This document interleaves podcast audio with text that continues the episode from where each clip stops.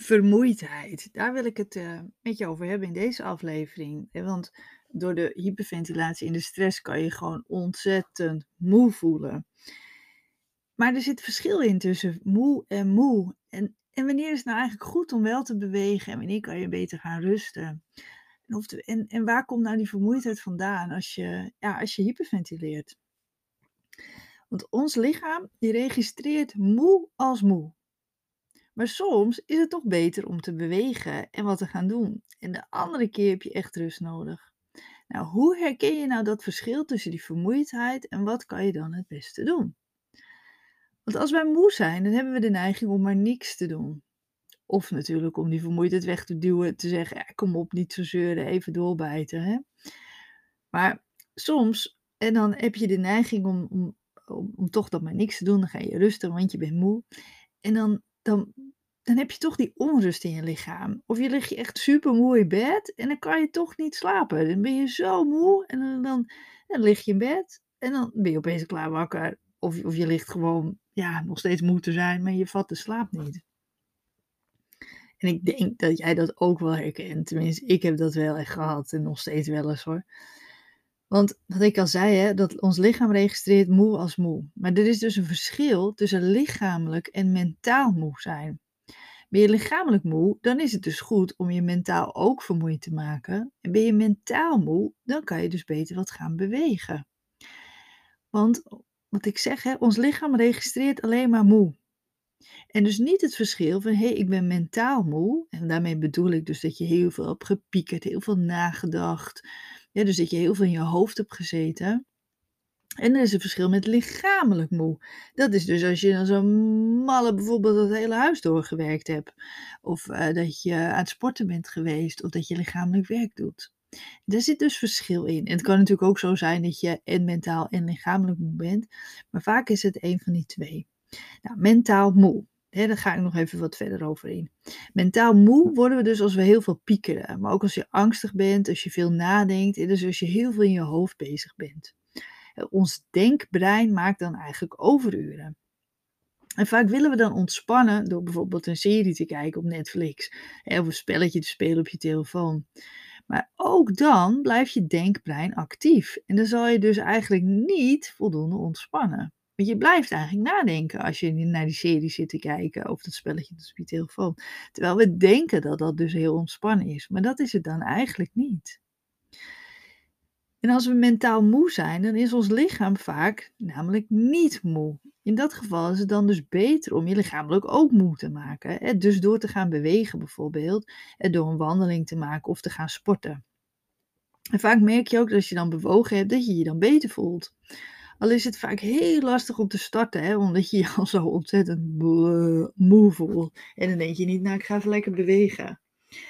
Maar lichamelijk moe, dat ben je dus als je ook lichamelijk actief bent geweest. Hè. Dat kan doordat je bijvoorbeeld veel bewogen hebt, achter je kinderen aan hebt lopen rennen, op je werk veel moeten bewegen.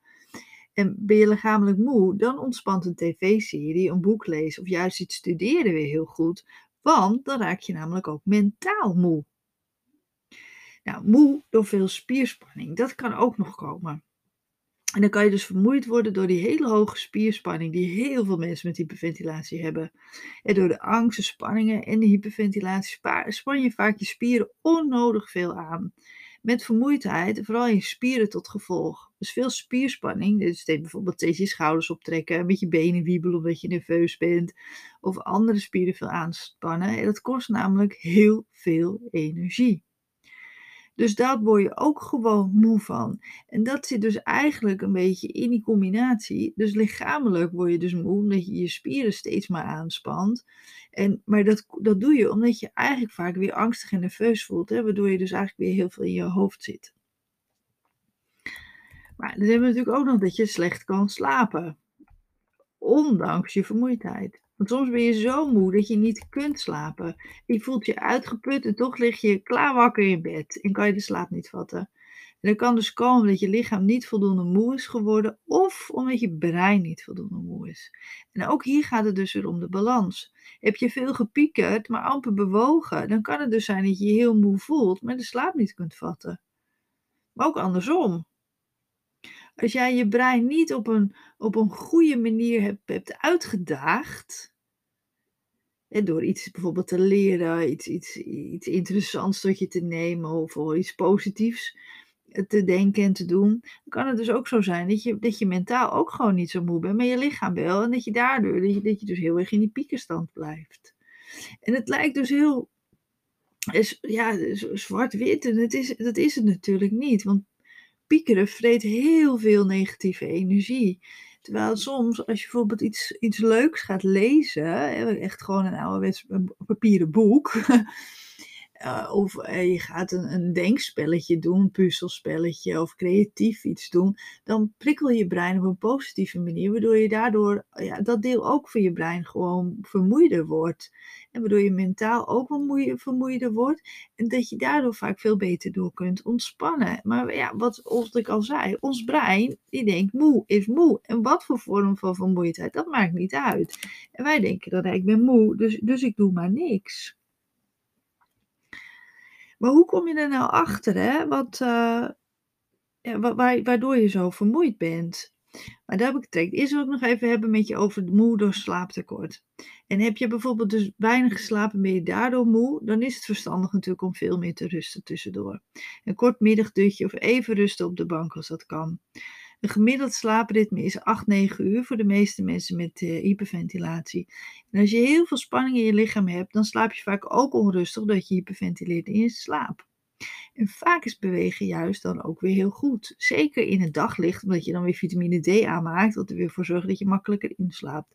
Vitamine D is namelijk een hormoon en dat werkt samen met het slaaphormoon melatonine. En melatonine zorgt ervoor dat we beter slapen. Dus daarom is bewegen in de buitenlucht, dus overdag, dat je zonlicht, hè, daglicht krijgt, is dus weer heel erg belangrijk als je problemen met slapen hebt. Um, rusten we rusten gewoon veel en veel te weinig. Want we moeten maar doorgaan. Rust is voor zwakkelingen. Rusten, dat doen we niet. Eh, ga maar even door. Rust is vaak iets wat we moeten verdienen. Ontspannen is iets wat we moeten verdienen. Wat je, eh, dat doen we niet zo gauw. Niet zo dat, dat, ja, dat zit niet vaak in ons vaste ritme. En het is echt zo hard nodig dat je meer rustmomenten neemt op een dag. In plaats van maar door en door gaat eventjes tussendoor eventjes je rust pakken. Eventjes vooruit het raam staren. Even 10, 20 minuutjes op de bank leggen als dat kan. Om te rusten.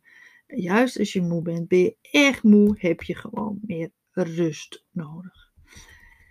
dat verschil in die vermoeidheid, hè, dat, voel, dat voel je vaak niet. En daarbij is het dus belangrijk dat je die andere signalen goed leert herkennen. En soms is het ook gewoon met je verstand eigenlijk de dag gaat analyseren. Heb ik namelijk heel veel mijn brein gebruikt? Heb ik veel nagedacht? Of heb ik ook mijn lichaam gebruikt? En soms betekent dat dat je toch even moet gaan bewegen als je je vermoeid voelt. En, en soms betekent dat dat je dus niet moet gaan bewegen, maar eventjes een boekje moet gaan lezen. Of gewoon eerder in je bed moet gaan om te rusten. En dat kan dus heel erg helpen om bijvoorbeeld een tijdje een dagboek bij te gaan houden en dan te noteren hoe je je voelt en wat je gedaan hebt. Dat kan je daarbij heel goed helpen.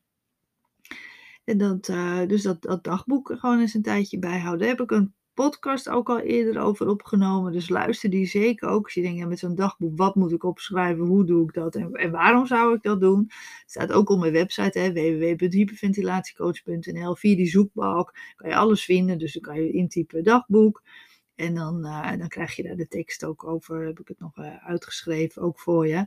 En je kan op andere dingen zoeken. Hè? Dus heb je, heb je last van, van duizeligheid, hoofdpijn, tintelingen, maag- darmklachten. En dan kan je dat in die zoekbalk invullen en dan krijg je alle uitleg te zien. Dat is superveel op mijn website, dus kijk daar zeker naar. Maar het kan dus ook zo zijn dat je heel veel, uh, dat je heel vermoeid voelt, dat je bijvoorbeeld heel veel spierspanning hebt. En dat je daardoor heel veel gevoel op in je lichaam, in je spieren hebt. Hè?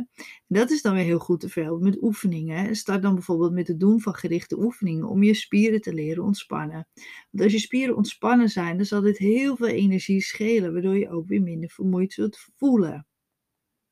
dus er zijn eigenlijk meerdere dingen die je kan doen als je gewoon heel erg moe bent. Eerst gaan kijken waar komt het door? Wat, waardoor voel ik me zo moe? Ben ik mentaal moe? Ben ik lichamelijk moe?